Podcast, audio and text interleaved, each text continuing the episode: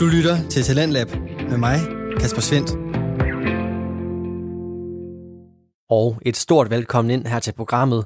Mit navn det er som sagt Kasper Svendt, og i programmet her, der præsenterer jeg sammen med min kollega Lene Grønborg dig for nogle af Danmarks bedste fritidspodcasts.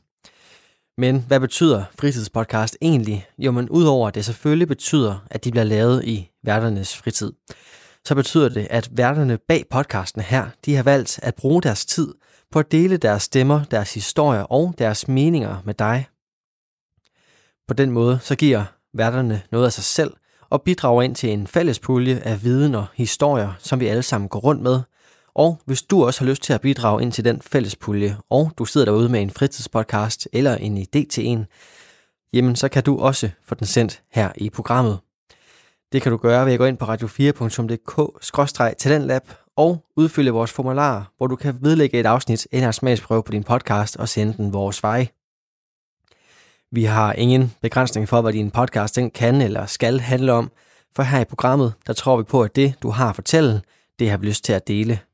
Der er heller ingen krav til længden på din podcast-afsnit, eller hvor tit du sender sådan et.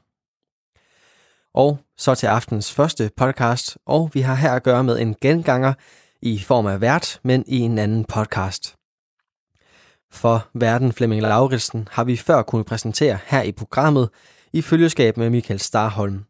Tilsammen der udgør de nemlig podcasten De Skallede Nyheder. Den podcast den tager udgangspunkt i de oplevelser, som de to værter de har at fortælle om, mens du nu skal præsenteres for en lidt anden vinkel.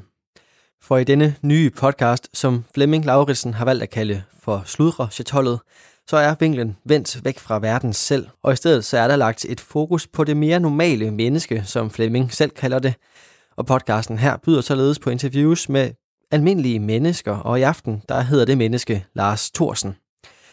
Han er journalist, og den profession har altid lagt i kortene for ham helt tilbage fra barndommen. Og hvordan Lars Thorsen fik den klarhed så tidligt og meget mere, kan du høre her i aftens afsnit fra Sludrassetollet med verden Flemming Lauritsen. Goddag og velkommen til Sludrejsetollet. Det er Flemming Lauritsen, der sidder her, og jeg har som sædvanligt et, et spændende menneske herinde, som vi skal høre lidt og snakke om, og det er Lars Thorsen, som er 42 år, fra bor på Amager og er journalist, og Lars, herfra synes jeg måske selv, du skulle måske skyde lidt med skarpt. Øh, du er journalist, ja. men, men jeg vil lige sådan, måske lige komme ind over, hvor du egentlig voksede op hen øh, som dansker her? Jamen hej, og først og fremmest tak, fordi jeg måtte være med her i podcasten. Jeg hedder jo Lars, ligesom du sagde, og er født og opvokset på Amager.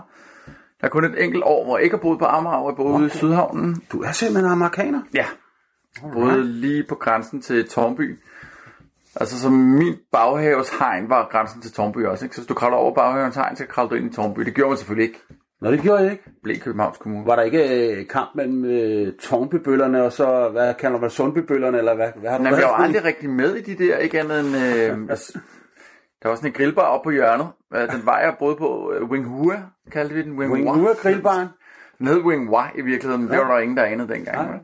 Ja, okay. øhm, hvor der var sådan en, en hvid polo. Jeg er på vej hjem med en Big Burger i sådan en lille pose ned til mit... Og du kan huske, det var en Big Burger simpelthen? Jeg købte altid Big Burger.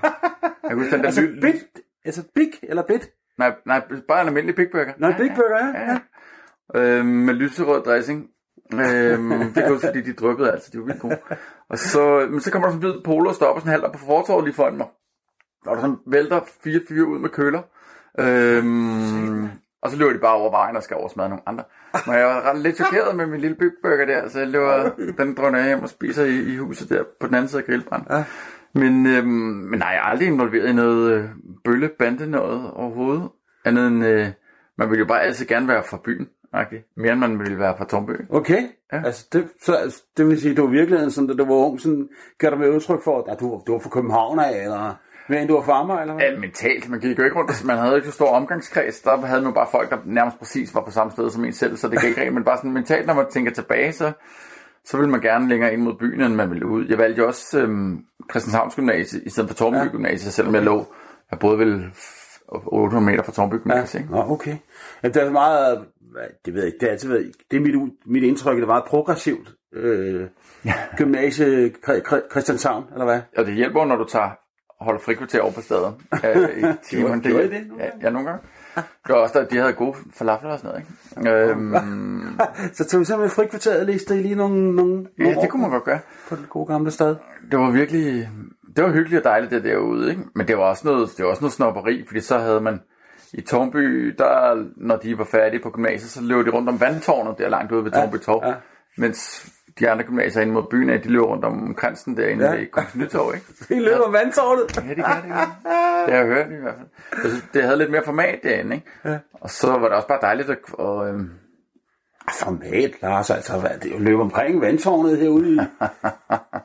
ja, det kan man gøre. Ja. Det skal være en stor klasse for at holde fast om hinanden der. Øhm, men nej, øh, jeg ville jo starte, nu startede du med at sige det der med journalist, sådan, og jeg havde kun tænkt én ting i forhold til den her podcast. Det var at starte med en journalisthistorie, som jeg havde. Ja. Fordi nu sidder du og en lille smule amatør til at optage der, Ja. mig. Og min første gang, jeg var som journalist for Berlinske Tidene, så bliver jeg sendt ud.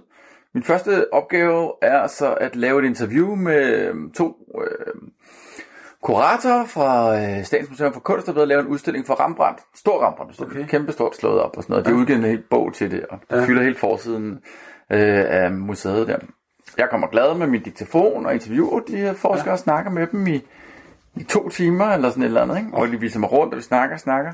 Jeg er helt nybegynder, ikke? Så jeg lytter ikke så meget til, hvad de siger, fordi jeg tænker, det har jeg jo på bånd, ikke? Så jeg går rundt, ej, jeg kigger, Okay. stiller lidt dumme Og så skal jeg lige så også for at illustrere det for dem, der sidder og lytter. Hvis du sidder så med en lille diktafon Ja, og optager alt, hvad der bliver sagt, og Ja. det vil du så bagefter.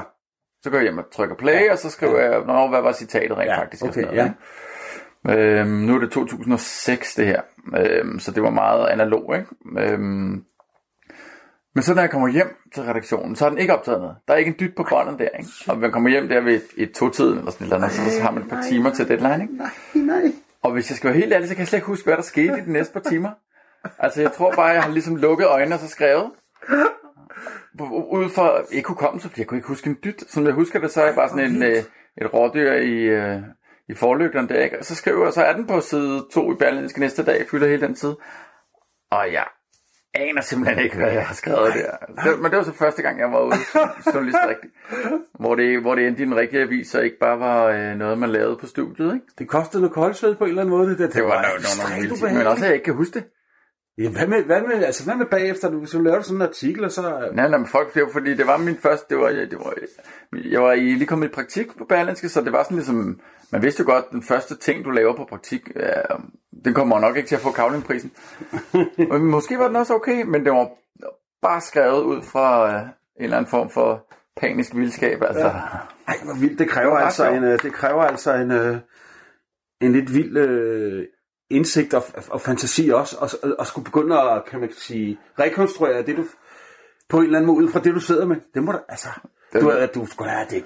Det var må da have mere- haft, øh, Det var mere skønlitterært, end det var øh, dokumentarisk i hvert fald. Det der du, har du aldrig hørt noget som helst om, at, øh, at øh, hov, hvad var det for en artikel, du lavede der, Lars? Det, Nej, det er det aldrig, men det, det tror jeg ikke, der er meget. Man får ikke meget kritik, som man...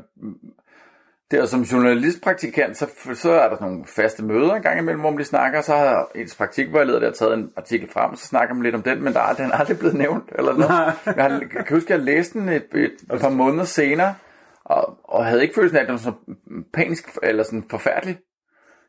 Men øhm, altså, jeg følte, gud, man kunne godt ikke opdage, at jeg ikke anede, hvad jeg skrev om, da jeg skrev det. Nej. Altså, den følelse af, at sådan lidt fup-følelsen, ikke? Nå, det slap jeg væk med. Nej, det, men det kan man vel virkelig finde.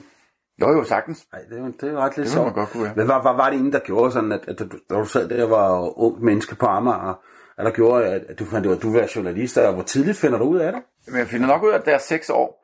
Øhm, Seks år, Kam? Ja, eller sådan noget, et eller andet 6-8, der hvor man er for lige startet i skolen, men for lille til at fatte noget, ikke? Ja, fedt. Men det var så det var, fordi mine forældre tog mig til øh, sådan en astrolog over på Bornholm.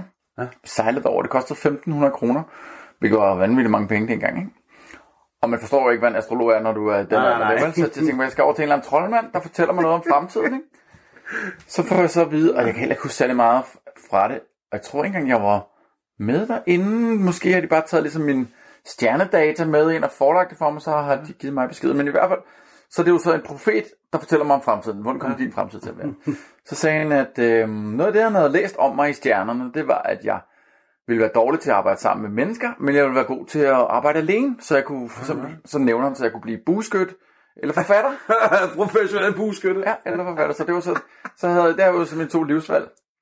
Så gør jeg så det, at jeg selvfølgelig prøver at blive bueskyt. Ja. Øhm, Det gjorde du det? Ja, ja, så startede jeg til, nå, men hvad skal man blive? Agtig, ikke? Så, så gik jeg til buskydning der i de øh, 5. 6. klasse eller sådan et eller andet, og var, var vildt dårlig til det. Og den eneste gang, hvor jeg ramte plet, det var, hvor jeg skød, vi, vi, der var øh, buskydbaner nede i kældrene under Dybekeskolen. De der lange gange dernede, så Ja, ja, ja. ja. stillede man. Eneste gang, hvor jeg ramte plet, det var, fordi jeg ramte loftet, og så røg den ned igen, og så ramte pletten ned i skiven. Ja, Så I skød stod med buepil nede i ja, det var Dybbekeskolens Og du havde den der læderlap øh, på fingrene, Ja, ja, og ja. så Trænede I dernede? Ja, så skød man med pil i øst og vest dernede. Og gaderne var altid øde, når jeg gik derover, fordi det var samtidig med, det var det år, hvor de sendte nord og syd i fjernsynet. Ja, det er godt Den der, øh, Ja, det Patrick krigsdrama, ikke? Swayze, Swayze, ja, ja, vi præcis. os ældre kender det. Gaderne var øde, fordi alle så kun det er. Så når der var noget, der var virkelig var godt, så så man det hele. Så vi gik den der helt øde verden over til de der gange og skød med pil og bue og så hjem. Og så rapsede lidt fra, øh, der var sådan en kasse, sådan en køleskab, hvor du kunne gå ind og lægge en, en femmer, så må du tage en sodavand. Ikke? Ja. Men man kunne også bare gå ind og tage en femmer og en sodavand. Ej, nu indtil det blev, altså indtil, og det her det er ret vildt, fordi de havde sådan en kasser, den der bueskytteklub nede i kælderen der, som, øhm, som, som man var enarmet. Altså, han, en bueskytte Bueskytte, med, med altså, en arm. kasseren i bueskytteforeningen, han var enarmet. Jeg forstår det heller ikke. Det er for godt. Det er fordi, han kan vide, at man altid har haft en drøm om at skyde med buen, men så bare ikke har.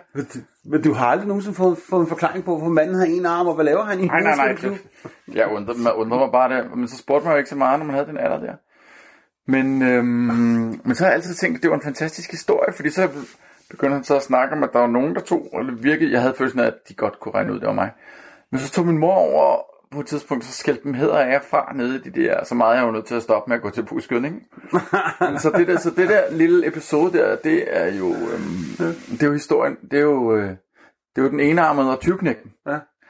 Øhm, den handler om, ikke? Og så jeg kunne ikke blive busskyt. I Nej. hvert fald. Så det profeten havde sagt, det var, at øh, jeg kunne blive øh, busskyt eller forfatter. Ja. Nej, busskyt kunne jeg så sætte streg ved, det skulle jeg ikke være. Nej, nej. Så måtte jeg så blive forfatter, ikke?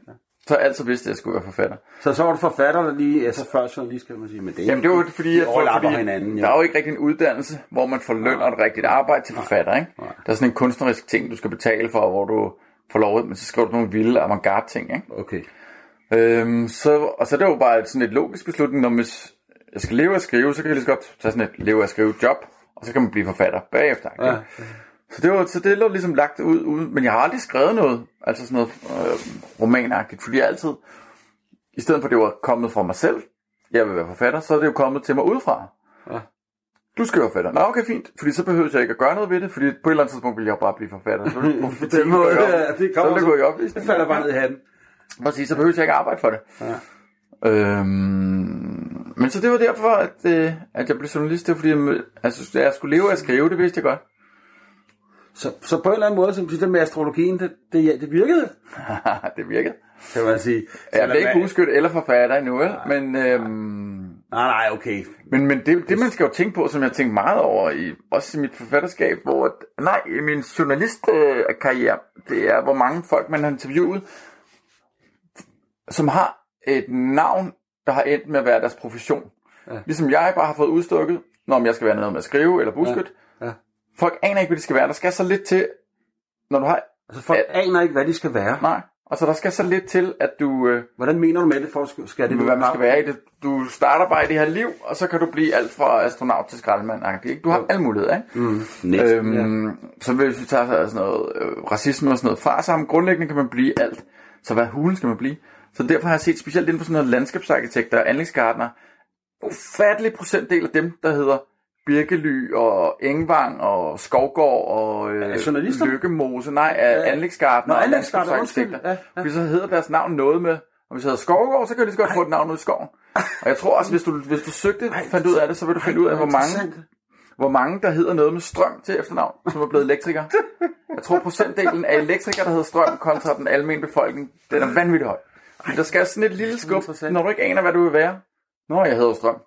Så der skal bare den ting til. Så Trods alt, det, er, det er en lidt sjov teori, den der. For der er jo en eller, anden, en eller anden teori, du har, kan man sige. Jo, jo, jeg har ikke undersøgt det. Men det, det, det er en sjov finur lige tage fat i der, lige med, fordi jeg selv sådan, jeg kan godt lide ord og navne, ikke? Fordi du skal ikke, så kan man sige Tom Box, ikke? Altså, Altså, i, i England, der var en, en super fodboldspiller, der Alan Ball, ikke? Altså, det, er jo- det er jo sjovt, at du kender de to der. Kun, øh, kun navn. Ja, når du har hørt om dem. Ja. Fordi jeg ved, du, du, du kan godt lide ord og, og lege med dem, og... Det er, det er så oplagt, at det næsten er åndssvagt med de to, ikke? Men ja, jamen, Jo, men jeg, jeg, jeg, jeg er ikke engang klar. Jeg tror nu, Alan Ball hedder Alan Ball. Ja, ja. Men jeg ved ikke, om Om Tom Box taget det, nej. eller Ole Ritter. Jeg ved ikke, det kan blive, det kan blive ved, ikke? Ja. Og det har, lagt, altså det har du, nu siger du, du er forfatter, så du har jo ikke, som du sagde, du har ikke udgivet noget i den forstand, sådan noget, skal vi sige, skønlitteratur. Uh-uh. Men nu snakker vi om ord og, og finurlige måder at se. Jeg ved jo, du, er sådan, du har sådan en sjov, snørklet tilgang til nogen, til at se tingene fra sådan nogle skægge vinkler, som andre måske ikke gør. Blandt andet i din bog, som hedder, du har lavet, øh, hvad det nu den hedder? Goddag. Goddag-bogen, ikke? Ja. Hvor du jo øh, du sender breve til alle mulige firmaer om alt muligt, om så er det DSB med lort på brættet, eller, eller, eller om det er Ferroccia med deres... Øh, altså, hvor, hvor kommer det fra, at man lige får ser det fra den vinkel og synes... Ja. For det er jo ligesom over i prank-afdelingen, bare nedskrevet. Ja.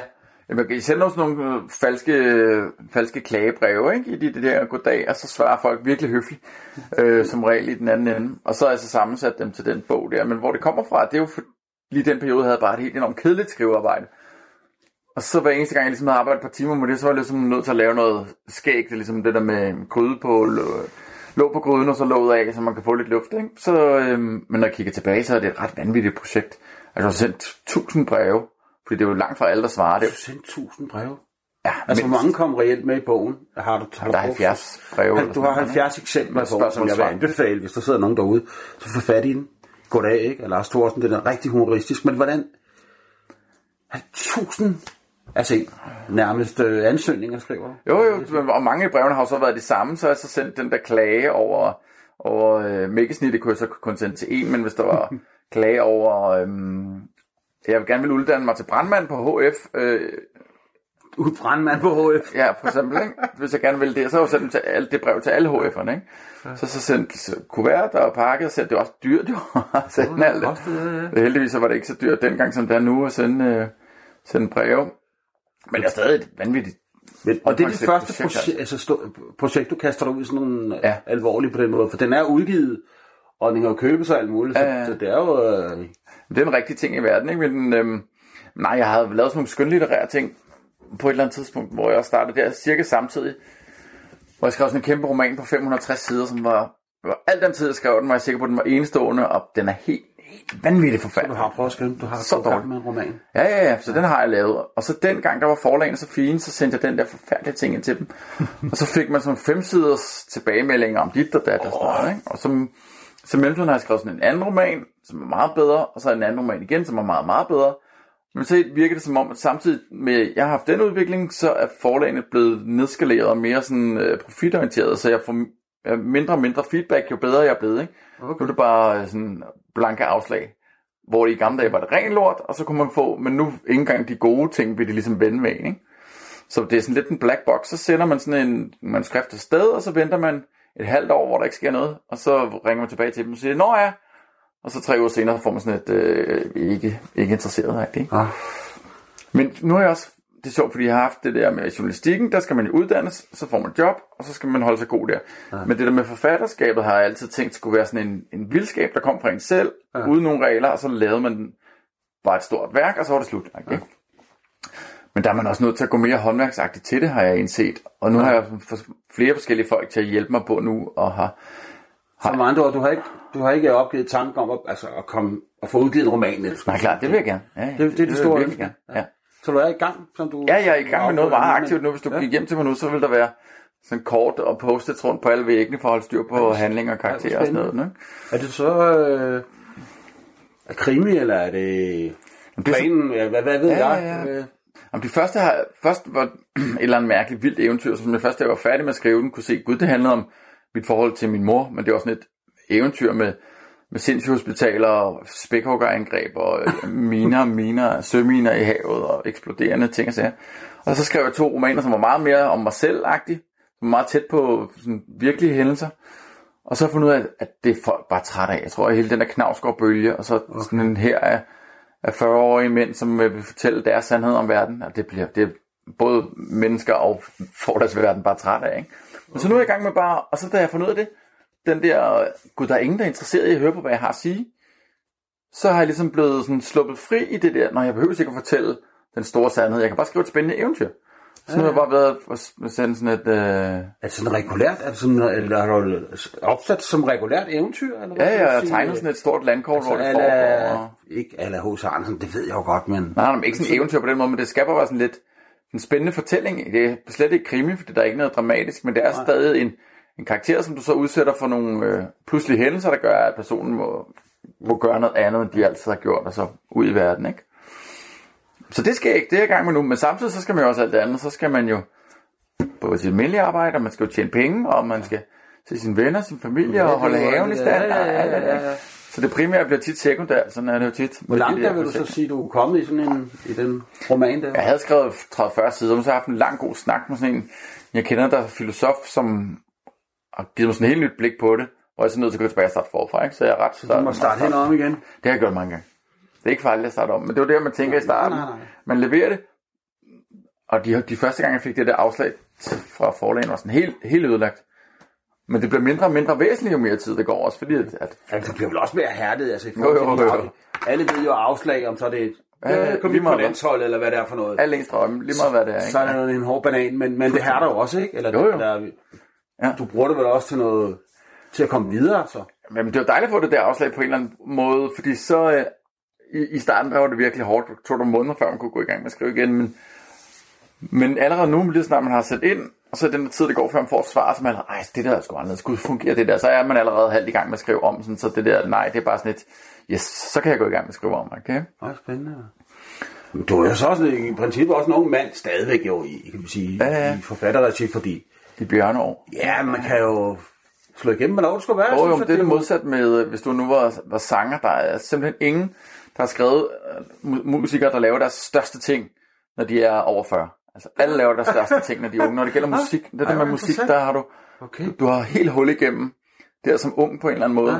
Altså det kunne godt lave gode plader nu, stadigvæk, øh, hvis du nu var... Øh, Ja, men altså for eksempel David Bowies første er jo det storslåede, så er det stadig god musik senere. Altså sammen med Dylan og Rolling Stones, så jeg tror lige meget hvem du tager, så er det fint nok musik. Og så Guns N' Roses og alle, alle jamen, jeg tror, og YouTube. Du kan tage alle de store, det var den der, du kan ramme noget helt nyt, som er storslået, når du er ung med musikken, fordi det, du er så tæt på det der at være i live, når du spiller musik. Det er meget umiddelbart. Det der med at skrive, det er en langt mere tænke, tung proces. muligt, Ja, præcis hvor, hvor du ikke nødvendigvis har adgang, nødvendig, så kan du så skrive med versaler og ramme sådan en, øh, en øh, noget helt rent, ligesom jeg er Hassan, men, øh, så, og, som også har nærmest gjort det på sådan en musisk måde. Ikke? Men han, han er jo så, nu er vi over altså forfatter, han, må have det, han er med i digteafdelingen, ikke? Jo, jo, men stadig med det der med at forsøge at skrive en eller anden sandhed ud. Ja, han prøvede at sige nogle ting, ja. Ja. Men øhm, jamen, så jeg, jeg har stadig håb i forhold til det der med at blive forfatter, fordi det ikke virker så endegyldigt, om man kan have den eller ej, Ja. når man skriver, kontra når man spiller musik. Har du så nogle, nogle, nogle forbilleder, eller sådan nogle, som du vil, som du kan sige forfatter, som wow, ikke fordi, det kunne jeg godt tænke mig at lave, men du vil forhåbentlig have din egen stil, ikke? Men der må der være nogen, der inspirerer, eller øh, sådan sætter... Jamen dem, der inspirerer, det er jo dem, der hader, som jeg også hader samtidig, fordi, fordi det bare er så godt, at man ved, at det kan jeg aldrig komme i nærheden af, så bliver man jo vred på dem, ikke? Men det er sådan nogle, øhm, og så er der sådan noget misundelsesvred, hvor nogle virkelig dårlige nogen er blevet store, og så kan man så Ja. hate på dem på det. Men altså, alt hvad der er, jamen, alt hvad der, hvad der på en eller anden måde virker som en eller anden søgen efter sandheden, og samtidig er- er storslået skrevet, hvor det virker som om, at dem, der skriver, ikke ved, ikke har den der irriterende håndværksmæssige plotplan, så skal der ske det, så læseren får den her Ja, ja, ja. oplevelse, og så gemmer jeg den her oplysning til senere, og så, uha, det var i virkeligheden hans ven, der var alt det der show og røgslyr, ikke? Hvis det virker som om, de sætter sig ned og skriver, og grundlæggende ikke aner, hvad de skriver, når de går i gang med at skrive, men bare skriver, fordi de har, de har noget ind i, der kun kan komme ud, hvis de skriver, og rammer det helt rent, det der, ikke? Og det er der ikke mange, der gør. Øh, dem, der gør, gør til gengæld sådan, som man jo helt mister vejret, altså. Ja. Men der, Men der er godt gang i den i, i det danske forfatterland. For, altså, det må man sige, altså. Den bogen er jo ikke ved at dø på nogen måde. nej, det virker altså, ikke sådan. Der er der, der er der knald på, men du, du håber på, at du kan bryde isen på en eller anden måde, altså med, med din, med din roman, altså. Ja. Det er ret spændende. og Hvor gammel for eksempel nu, øh, jeg sammenligner dig ikke eller noget som helst, for jeg ved ikke, hvad du laver med Jussi Adler for eksempel. Hvor gammel var han, da han slog, slog igennem for eksempel? Ham ved Han ikke ung, noget om, men han har ikke været, han har ikke været ung. Han er jo han er jo en voksen bølle nu, når han står der i sin læderjakke med sin pip foran sin, øh, eller i sloprok foran sin øh, brændeovn. Men øh, han har jo ikke været, han har ikke været 22 for eksempel, vel? Nej. Men til gengæld, ja, og Hemingway skrev vel, der, er mange, og Kerouac og sådan noget, hvad skrev de der i 30'erne eller sådan et eller andet, ikke? Ja, det er det med erfaring, ikke? Altså, den er ikke så Men altså, ja, den gamle mand og havet, og for eksempel Hemingway er jo, der var han jo en helt voksen, ikke? Øhm, så der er noget, et eller andet erfaringsting, der bliver ophobet, hvor det ikke nødvendigvis bliver støvet, hvilket det virker som om, det kan ske for musikere. Altså, hvor det er det samme. Ja, men jeg, kan godt, jeg synes, det er interessant, den, den med musikken der. Fordi vi ved jo godt begge to selvfølgelig, at der er musikere over 40 år, der har lavet ordentlig musik. Ja, Ja, ja, ja, det er slet ikke det, det handler om. Men, men det er vel noget med det der musik også med nerven, ikke? Altså det der med, du var lidt inde på det med ungdommens, øh, Ja. hvad skal man kalde det? Man er lidt frækkere og øh, tør nogle flere ting, men til gengæld, når man kommer over 40, så ved man nogle flere ting. Det er lidt interessant, synes jeg, det du sagde med musikken der. Det er rigtigt. Det virker meget rigtigt. Og det er også fordi, at du har den der frygtløshed og, og kampgejst som. Ja. ung, som er ja. nødvendig for at ramme noget helt nyt. Hvilket, og hvis du så er et succesfuldt band, så er det jo svært at have samme... Når du har bevist, at hele verden har stået og råbt, du er dygtig, Ja. så, det, så er der ikke så meget at kæmpe imod. Og så slår du mod ingenting. Så er der ikke, du skal have den der hammer mod noget hårdt. Ja, vi har set noget i Norge musik. Vi har, man har jo set det igen og igen. Også her i Danmark, ikke? Altså, hvor, men hvor, hvor, hvor, man så kan sige, at der er mange musikere, der kvad det, du siger, synes jeg, som får lov til at holde gryden i kog, på trods af, at man måske synes, ah, den er, det er måske gået i stå for 10 LP'er siden, ikke? Hvor man tænker, at hvis det var det første nummer, du havde udgivet, var det aldrig kommet i radioen, vel? Ja, det sker tit. For eksempel, jeg synes, den med Bowie, den synes jeg var, fordi det, nu min kone kan jo rigtig godt lide Bowie. Jeg synes også, Bowie er fremragende. Ja. Men jeg synes også, han er krediteret noget, hvor man krediterer ham, fordi det er Bowie, der har lavet det. Ja, ja. Men hvor det jo faktisk ikke er vanvittigt godt, vel? Og, øh, Helt klart. Det synes jeg, eller den, den synes jeg egentlig er meget sjov. Men øhm, sådan er der så meget. Men så vil jeg komme, måske komme lidt over noget andet. Jeg ved, jeg er ikke engang klar, om det hedder Café Chimpansen mere. Nej. Hedder det det? Det, det der projekt, du er med, eller det, du har koncept? eller Altså, hvad vi har stadig Facebook-siden, når bøgerne bliver udgivet på forlaget Café Så det, Chimpansen, det, er lille, det, det er ikke et forlag heller ikke. Jo, det er et forlag, ikke? jeg Men det er samtidig... Det er også der, hvor vi udgiver de der klistermærker og laver Ja, t-shirts jeg. og kasketter og sådan noget, ikke? Så jeg ved ikke helt, hvad det er. Men Du ved ikke, hvad det er. det startede som sådan en... Café Chimpansen er jo et fantastisk sted, eller navn. Det lyder som et eller andet, det er fedt. en bodega i Tornby, eller et eller andet sted ude i Husum, hvor du får tæsk for at komme bare for Ja, at men sige det er hej. nysgerrig ikke? lige, når man hører det. Altså, Café Chimpansen. Der må vi ned. Så, øhm, så det var mig og min øh, superven Lars, som hedder Lars, ligesom mig, vi, øh, vi ligesom havde sådan et fælles sted, hvor vi kunne lave de ting, vi nu engang laver. Men i mellemtiden har vi så fået en butik, Ja. fysisk butik, som, og det er virkelig lidt åndssvagt at kalde den Café Chimpansen, for så kommer folk ind og tror, at de skal have noget Ja, på ja, café. det var det, der tænkte. Jeg tænkte allerførst, jeg Ja, så ja. på Facebook. Ja, hvad En er café. noget? Men så tænkte jeg, den skal vi måske bare hedde Lars, den butik. Det er der ikke så mange butikker på Vesterbro, der hedder, vel? Ja, før, så skal vi lige få at sætte på plads. Først har jeg jo haft nogle lokaler. Ja. Der var chimpansen, ikke?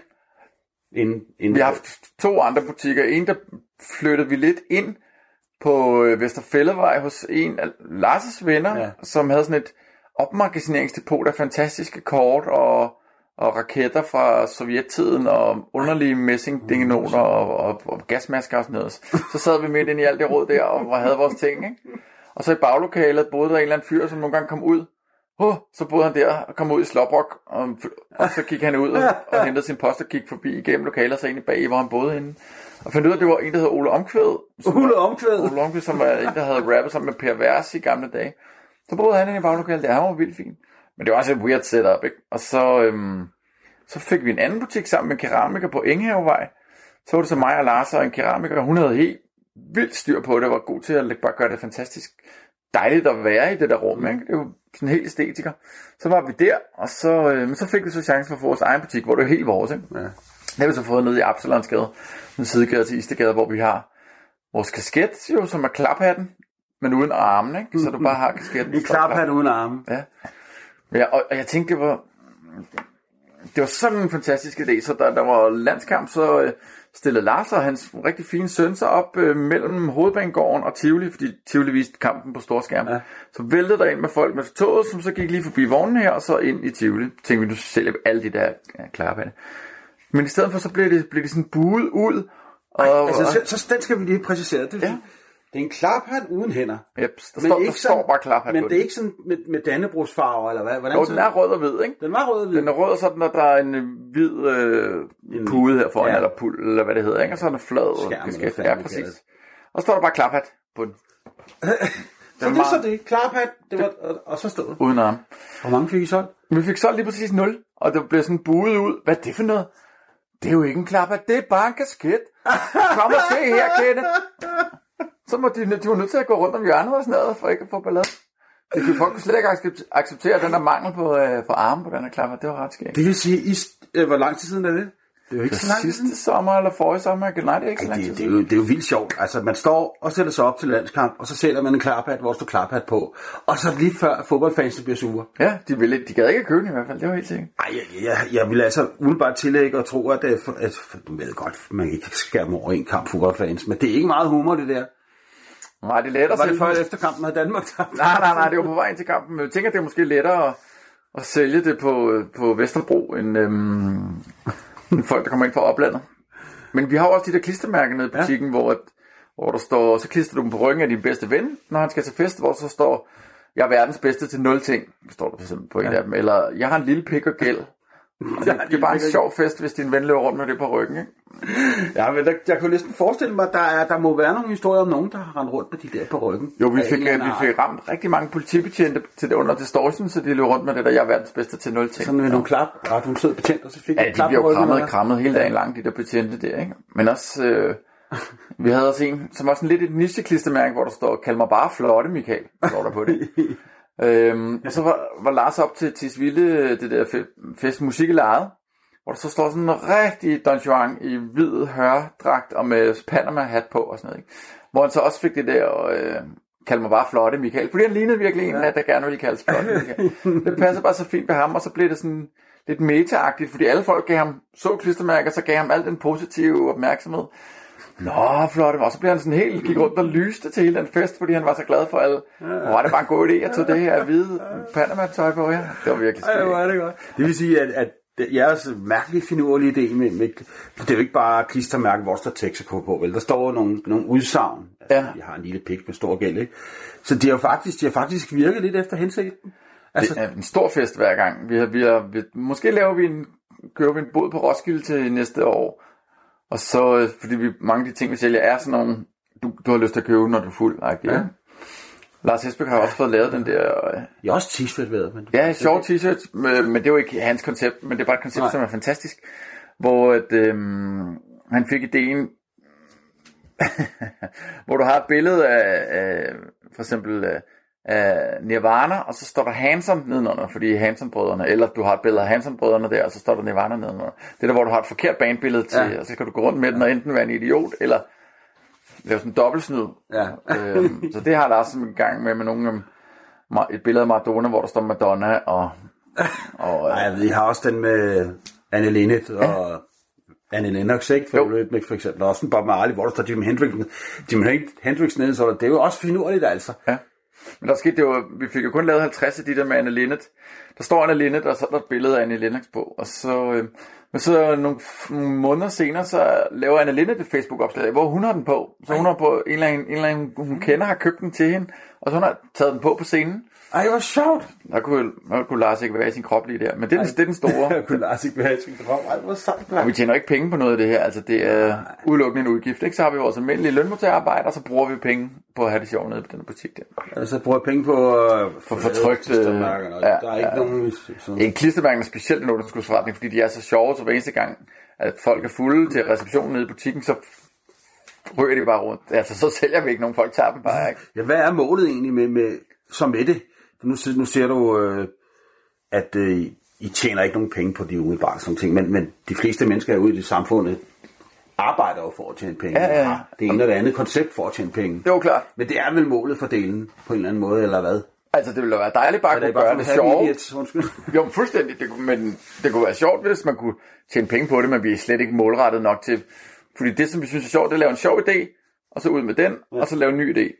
Det, som folk, der tjener penge, gør, det er, at de får en sjov idé, eller stjæler en sjov idé fra nogle andre, og så kører hele det der maskineri, og så laver salgsafdelingen, får det trykt super billigt i Østen, og sørger for at, øh, at være sådan opfølgende og pushy hele tiden. Det gider vi slet ikke. Så vi laver en ny sjov ting og en ny sjov ting.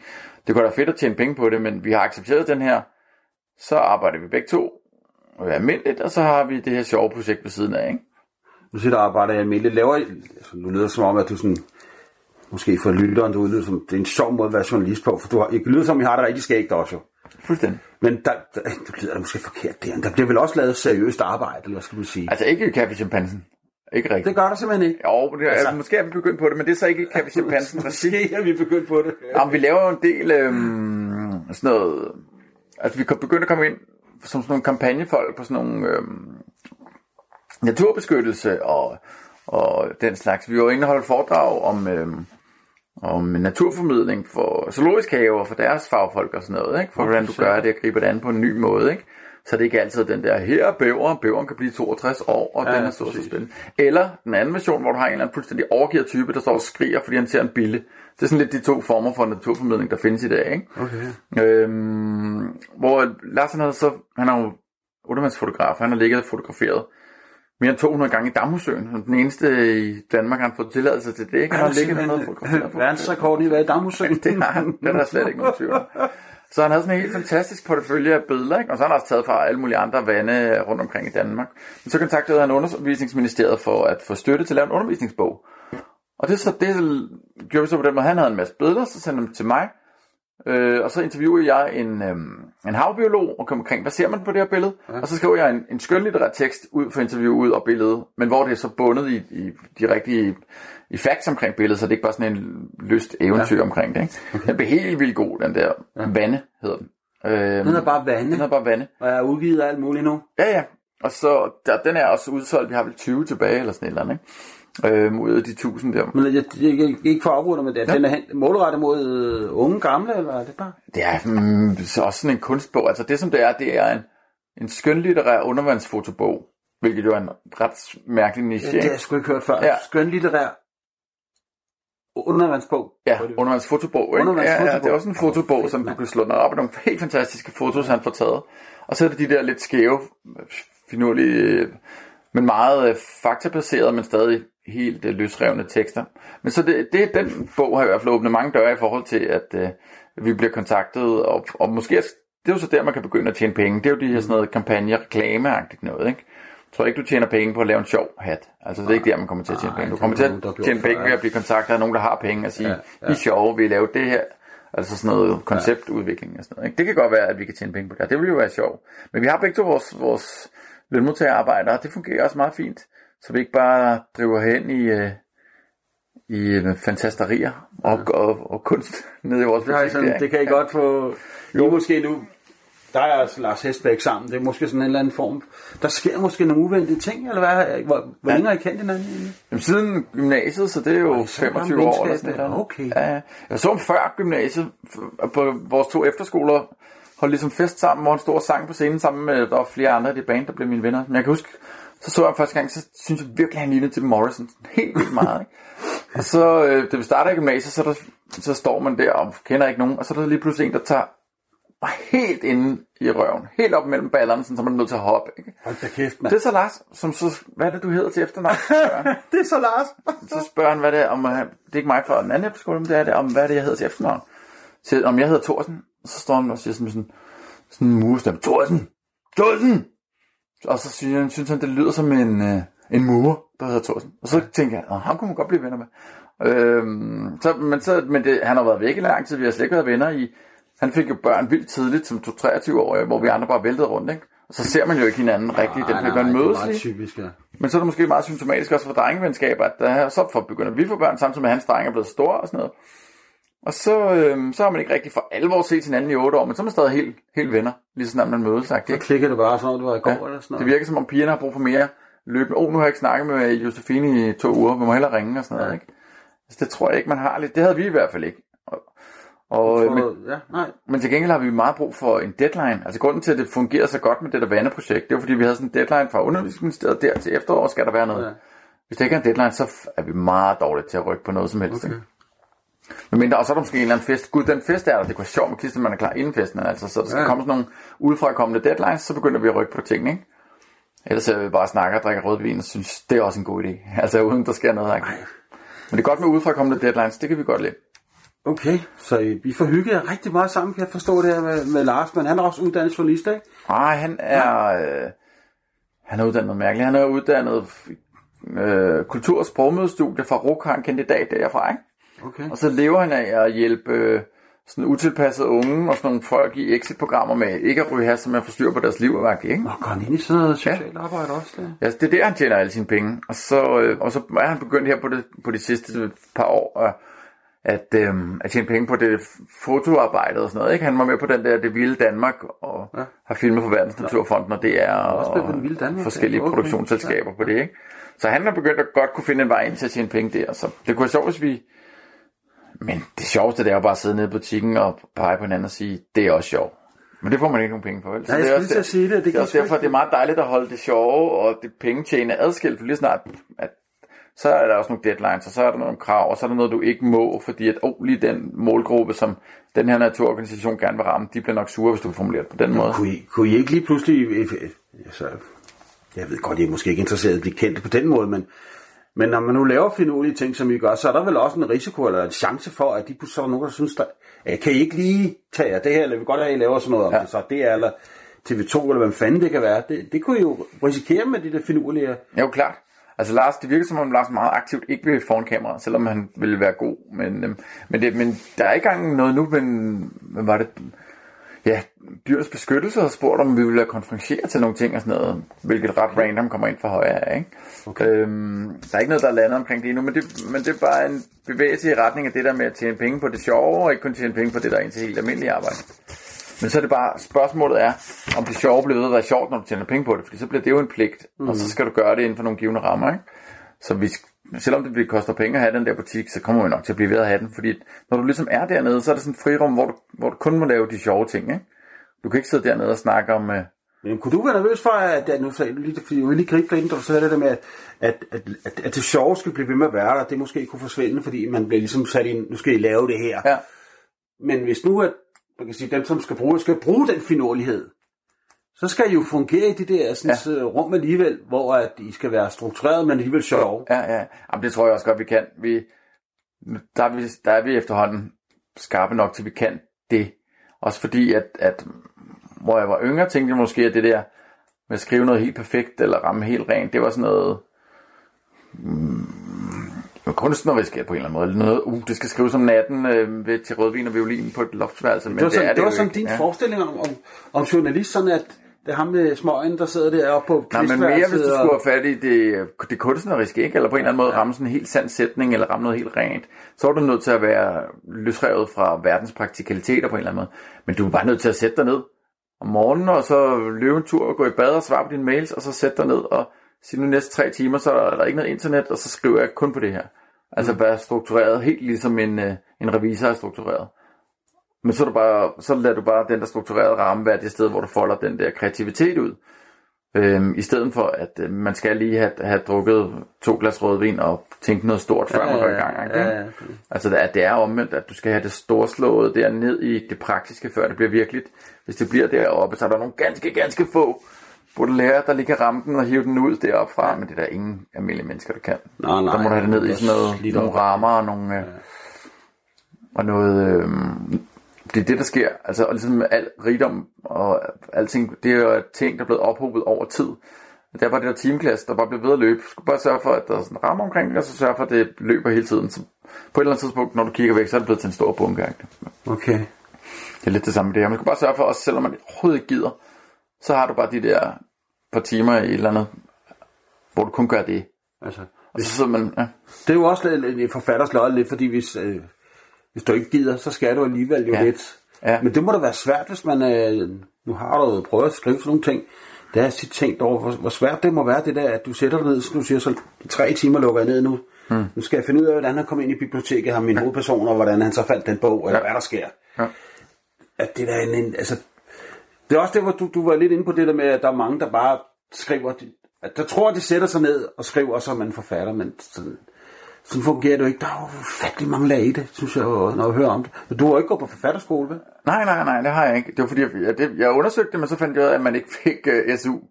At man, man skulle betale for det i stedet for, ikke? Og så læste jeg nogle af de tekster, der var nogle af udgivelserne, og de var, nu er jeg også ung, men de var, det var helt løsrevet fra verden nogle gange, de der. Ja. De får virkelig lov at eksperimentere, ikke? hvilket de selvfølgelig også skal. En forfatterskole skal jo ikke bare levere krimiforfattere, der bliver pumpet ud. Så det er så godt, det de laver. Ikke? Men øhm, det var også sådan, det var for udgakket og for kunstnerisk til det at vælge. Jeg vil ikke gerne et eller andet konkret på en eller anden måde. Ikke? Og så vil jeg også gerne være helt sådan, lavpraktisk vil jeg gerne, nå, men så skal man studere uden at tjene penge, så skal man også have et andet arbejde ved siden Ja, det er af. Altså, vildt. men det giver også mening, at, øh, at forfatterskolen er et eller andet meget, meget aktivt tilvalg, i stedet for bare noget, man dasker ind på og får SU ja. og ser, man lige kan. Så jeg kan godt lide, at der er en eller anden form for hurdle. Ja. Du skal både skrive noget, skal du blive optaget, og så skal du betale for det. Og, men det gør jo så også, at, at, at det, nu ved jeg ikke, hvordan hele betalingsstrukturen, om der er nogle legater og sådan noget. Men det gør vel også, at der er nogle øh, fra de helt fattige kår, som jo ikke kan det. Ikke? Altså betale for det, og samtidig skal have job, og Men der er det alligevel ikke, man, eller mand, siger man, det er forkert, det er mig, der sidder her. Men, men, der kan jeg alligevel ikke helt sådan det der med, med hvad hedder det, øhm, ah, nu tabte han sgu lige desværre. Det er fint, den, den røg lige ud, den røg sgu lige på gulvet, den jeg skulle til at sige om, den skulle sige om det her. Alright, men det er i hvert fald godt at have rammer på sin, øh, sin, den store kunst. Ja. Altså, jeg tror, næsten alle har brug for rammer, for ellers bliver det store kunst bare op i ens hoved. Ja, ja. Altså, og, og 99 ud af 1000 fantastiske kunstnere hører man jo aldrig om, fordi de bare har siddet Ja. og drukket lidt og snakket med vennerne og, og hyggemalet lidt, uden at... Ja, ja. Altså, må man... Det, det, det er bare den der... Hvad mindre du er en af de få mestre, så er det bare den der disciplinen, der skal til. Det er jo voldsom disciplin, det der forfatter halløj har ind over. Det kan slet ikke, det er meget, meget svært at sætte sig ind i der. Jeg, jeg ved ikke, om det var det, jeg tænkte på før. Det er det der med, jeg, jeg bliver med at hæfte mig lidt ved det der med at, at sætte sig ned og skrive. Der er mange, der, der tror, det bare er sådan lidt på, man sætter sig, ja, i hvert år kan jo sætte sig ned og skrive princippet næsten. Det er jo ikke, jo ikke svært. Jamen, det er det. Altså, voldgraven rundt om at være forfatter er super lille. Ja. Ja. Altså, alle, bortset fra hårdt ordblande, de kan jo gå direkte ind, og så ja. kan de skrive, så de forfatter.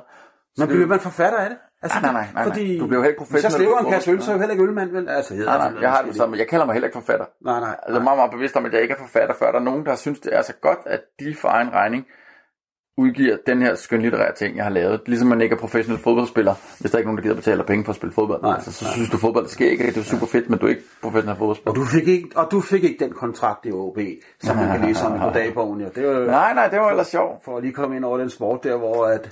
Jamen, jeg havde lavet det brev til OB Boldklub, hvor jeg skrev, at jeg var super god til at, til at sparke, hjørnespark med, med venstre ben, og at øh, jeg var god til alt til fodbold, bortset fra at nikke, fordi jeg kom til at lukke øjnene, og så fik jeg bolden i hovedet og væltede og sådan noget. Men bortset fra det, så synes jeg, at de, at de skulle sætte mig på førsteholdet, hvor de jo også svarer. Et fint brev, og det, jeg skulle nok ikke starte med at Ja, der var, fosterholdet. der var de jo rimelig flinke OB. Ja, ja. Det, det, Men jeg var sendt til alle fodboldklubber jo i Danmark med sådan et brev det? der. Jamen for at få svar, fordi i starten sendte jeg jo et brev, jeg gik og ventede, så fandt jeg ud af, wow, der er langt imellem der er slet ikke nogen af dem, altså, fordi det er et fint svar, OB laver, men det er ikke så humoristisk. Og der er, de eneste, der er humoristiske, det er de der få, hvor jeg skriver, at min Nå, nu tænker jeg, nu tænker jeg... fodbold? Nå, men ja, nu sagde du, fordi nu sagde du, du skrev til mange fodboldklubber. Ja.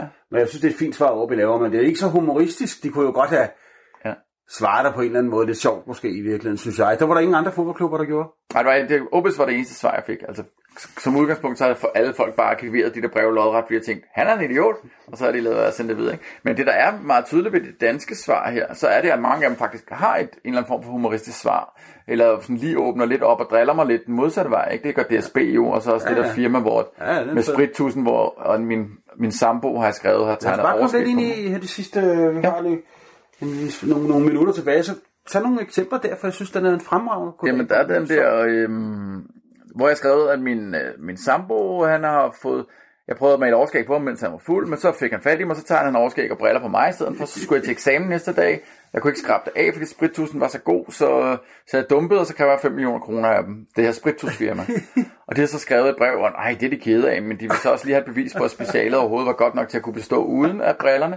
Og så ville de gerne lige være rigtig, rigtig glade for, at det ikke var en økse, jeg havde købt, men kun en spritus. Ej, og, fanden, mand. og, øhm, men så, jeg har også lavet helt den samme bog til Amerika, hvor jeg har skrevet nye breve på engelsk og sendt. Ja. dem til USA. Og de er meget mere regelrette, fordi de er jo Så du bange for at blive med sagsøgt. en, en amerikansk version, kan man sige. Nej, men jeg har lavet den, og, den, og jeg har også opgivet den igen, fordi at jeg har snakket med mange forlag derovre. Du er nødt til at have sådan en, du er nødt til at være sjov i forvejen og kendt. Du er nødt til at have sådan en platform, og så kan man udgive en sjov bog. Så den har vi lagt til side, men, men skæg var det, og tydeligt var det, at de er bange for at blive sagsøgt. Så alle svarene fra samtlige, der er kommet, de er sådan totalt straight. Åh, Helt vildt. Vi, vi accepterer modtagelsen af dit brev den og den dato. Vi kan desværre ikke imødekomme din henvendelse. Hvor i Danmark er det meget, der er der folk, der sidder inde i i oppositionen, trods alt en gang imellem, og svare sjovt tilbage. Ikke? Der er vi lidt mere... Det er meget dejligt at se, at man ikke er så bange i Du har fået noget af det alligevel, synes jeg, på en eller anden måde. Jo, meget. altså, jeg ved godt, at det måske er afledt af din bog, Hello, eller hvad den skulle hedde, det ved jeg Den ikke. hedder Hello. Den hedder Hello. Danish uh, Letters from Denmark with stamps and everything. hedder Kan du den. huske en eller to, du har amerikansk? Ja, nogle af det er jo, jeg, jeg har skrevet til senatorerne, at uh, nu kommer vi at bygge en 4 meter høj statue og en gargoyle ind hos dem, hvor, det, hvor der bliver kontaktet af nogle af de der rådgiver fra senatet. øhm, og så vi har skrevet til selvfølgelig Trump og Hillary og Obama, om de vil næste gang der er deres State of the Union dress, deres ja. kopi af det danske brev, man vil reklamere for min slagterbutik og meatballs, øh, fordi vi har meatball-sale i, i 4th of July, om de vil gøre det. Det har de så aldrig svaret på. Nej, okay. Men der er mange, der er mange sjove. Prøv at skrive til Playboy, om de ikke skulle lave et dejligt, dejligt magasin. Øhm, bare uden de nøgne damer. Ja. Fordi hver eneste gang, jeg læser Playboy på arbejde, og så kommer jeg til at tage bladet på vej ud til toilettet, så tror folk, jeg er på vej ud for at onanere. Det er jeg ikke. Jeg er på vej ud for at læse de gode artikler, så hvis de bare kunne fjerne de døgn nøgne damer, ville det være så dejligt. Ikke? Så jeg har fået, jeg ved ikke, hvor mange Return to Center breve tilbage fra Hugh Hefner og Playboy Mansion, hvor jeg har prøvet at ramme dem. Men de, har de svaret konkret på det? Nej, den har de ikke svaret på. Den ville være med, hvis det var. Men jeg har, jeg har sådan et her stak af, af post, der har været sendt over Atlanten, og så har der stået en postbud i Amerika og kigget på en eller anden adresse og tænkt, det du ikke sendt tilbage. Og så er det tilbage hos mig igen, ikke? Så jeg har sådan en helt return to center bunke fra alle mulige obskure steder. Det var vildt, det var sjovt. Nu her er der et par minutter tilbage, så kunne jeg godt tænke mig at vide, hvis der var, det plejer jeg også, de godt, godt kunne tænke mig at få gæsterne til at sige, hvis de havde nogle, nogle bevingede ord om livet, de synes, de skulle sende videre, eller noget sådan i slutningen her, som man synes, øh, vi har jo alle sammen nogle filosofier, eller whatever. Jamen, du har, du har faktisk kommet rundt om mange af dem her, med hvordan man vælger sin, sin livsvej, og hvordan man overhovedet får produceret stor kunst, at det er rent faktisk noget, der skal produceres, ikke bare noget, du hiver ud af en bevinget tanke i din, uh, din enestående storhed. Ikke? Mm. Men så også, at det hele er lige meget. Altså, du skal bare sørge for at være en, en glad bølle, der dasker rundt i verden. Altså, virkelig. Og så alt det der, man kæmper for, så skal man bare sørge for, at det altid er, er vigtigere end en selv. Mm. Det, man kæmper for, er vigtigere end en selv. Ja. Ja, fordi ellers er det, det har vi fundet meget, nu går vi meget over til de der naturorganisationer og sådan noget, man får helt enormt meget energi, når man i stedet for at arbejde for at blive kendt, at andre skal sige, nej, var du god, men at arbejde for at, at løfte noget større andet end en selv. Ja, ja. altså ligesom at efter du har fået børn, så er du blevet et bedre menneske, fordi du, du har bare fundet ud af, wow, jeg er ikke så vigtig. Mm. Jeg, jeg er vigtig i kraft af, at jeg gør noget godt for dem her. Mm. Ikke det er der styrken i mig kommer. Og sådan gælder det jo bare også for ens arbejdsliv, altså og for ens hobbyprojekter og kunstprojekter. Hvis du kun gør det, fordi at, nej, se mig. Ja. Altså, så, så, har det, så kan det godt være, at du laver noget helt fantastisk, men, øhm, mm. men det er bare ikke så meningsfuldt, og det mangler den der, den der... Og det er så dejligt let at lave noget for andre, fordi så behøves man heller ikke at have den der tvivl omkring det. Så bliver de andre glade, og så er man selv automatisk glad, når de er glade. Ikke? Mm. Men det er meget smukt, synes jeg. Det lyder rigtig fint, Lars. Ja. Jeg, jeg synes, vi har været rundt omkring mange finurlige sjove ting i den her lille samtale her. Og hvis du ikke har mere, så synes jeg i hvert fald tak dig for, at du havde tid til at lige at være med i den her Jamen klart, podcast. så håber vi, at Berlingske ikke sagsøger mig for den side 2 der i 2006. Den er jeg i ikke- 2006 side 2. Det, det, den, skal næsten, den skal næsten tjekkes ud, den Den der. der Rembrandt-udstilling, ja. Ja, det, det kan godt være, at jeg bliver nødt til at læse den igen på et tidspunkt. Ja, det bliver finde ud der står. Jeg er i hvert fald nysgerrig. Den skal jeg alene tjekke ud. Så jeg vil sige tusind tak for det, at du brugte tid på det her, Lars. Klart. Og tak for den her gang. Ja, i lige måde. Tak for det. Og så vil jeg sludre, så tolvet slut af. Flemming Lauritsen takker af for den her gang, og god aften, eller hvad I ellers selv skal lave. Hej. Radio 4 taler med Danmark. Det var det for denne times fritidspodcast. Den hedder Sludrøssetollet, og verden bag den hedder Flemming Lauritsen. Han havde i denne episode besøg af journalist Lars Thorsen, der altså allerede som barn vidste, at han skulle leve af at skrive. Podcasten her emmer af energi, og afsnittene fra Sludrøssetollet giver dig også altid lige den ekstra viden, og måske endda lidt til tænkeboksen. Og det var altså aftenens første fritidspodcast, og hvis du vil høre tidligere Talentlab-afsnit med Sludrøssetollet, så kan du finde dem inde på radio4.dk, hvor du selvfølgelig også kan finde afsnit uden Sludrøssetollet. Og hvis du selv sidder derude med en fritidspodcast, som du har lyst til at dele med endnu flere, så kan du også få den sendt her i programmet. Det kan du gøre ved at udfylde den her formular, som er inde på radio4.dk. Her der kan du vedlægge et afsnit eller en smagsprøve på din podcast og sende den vores vej. Vi har ingen begrænsning for, hvad din podcast den kan eller skal handle om, Og der er heller ingen krav til længden på din podcast-afsnit, eller hvor tit du sender sådan et. Og med det, så er det blevet tid til nyhederne her på Radio 4, inden jeg i næste time vil præsentere dig for et afsnit med de to værter, Mads Lyngø og Niels Sørensen. De har fået fin besøg i deres podcast Ufiltreret, hvor aftens afsnit byder på quiz, et kig ud i det store udland og 1000 kroner til øl. Mit navn det er Kasper Svendt, og jeg er så altså klar i næste time med et nyt afsnit fra Ufiltreret med Mads Lyngø og Niels Sørensen, men først der kommer her dagens sidste nyheder.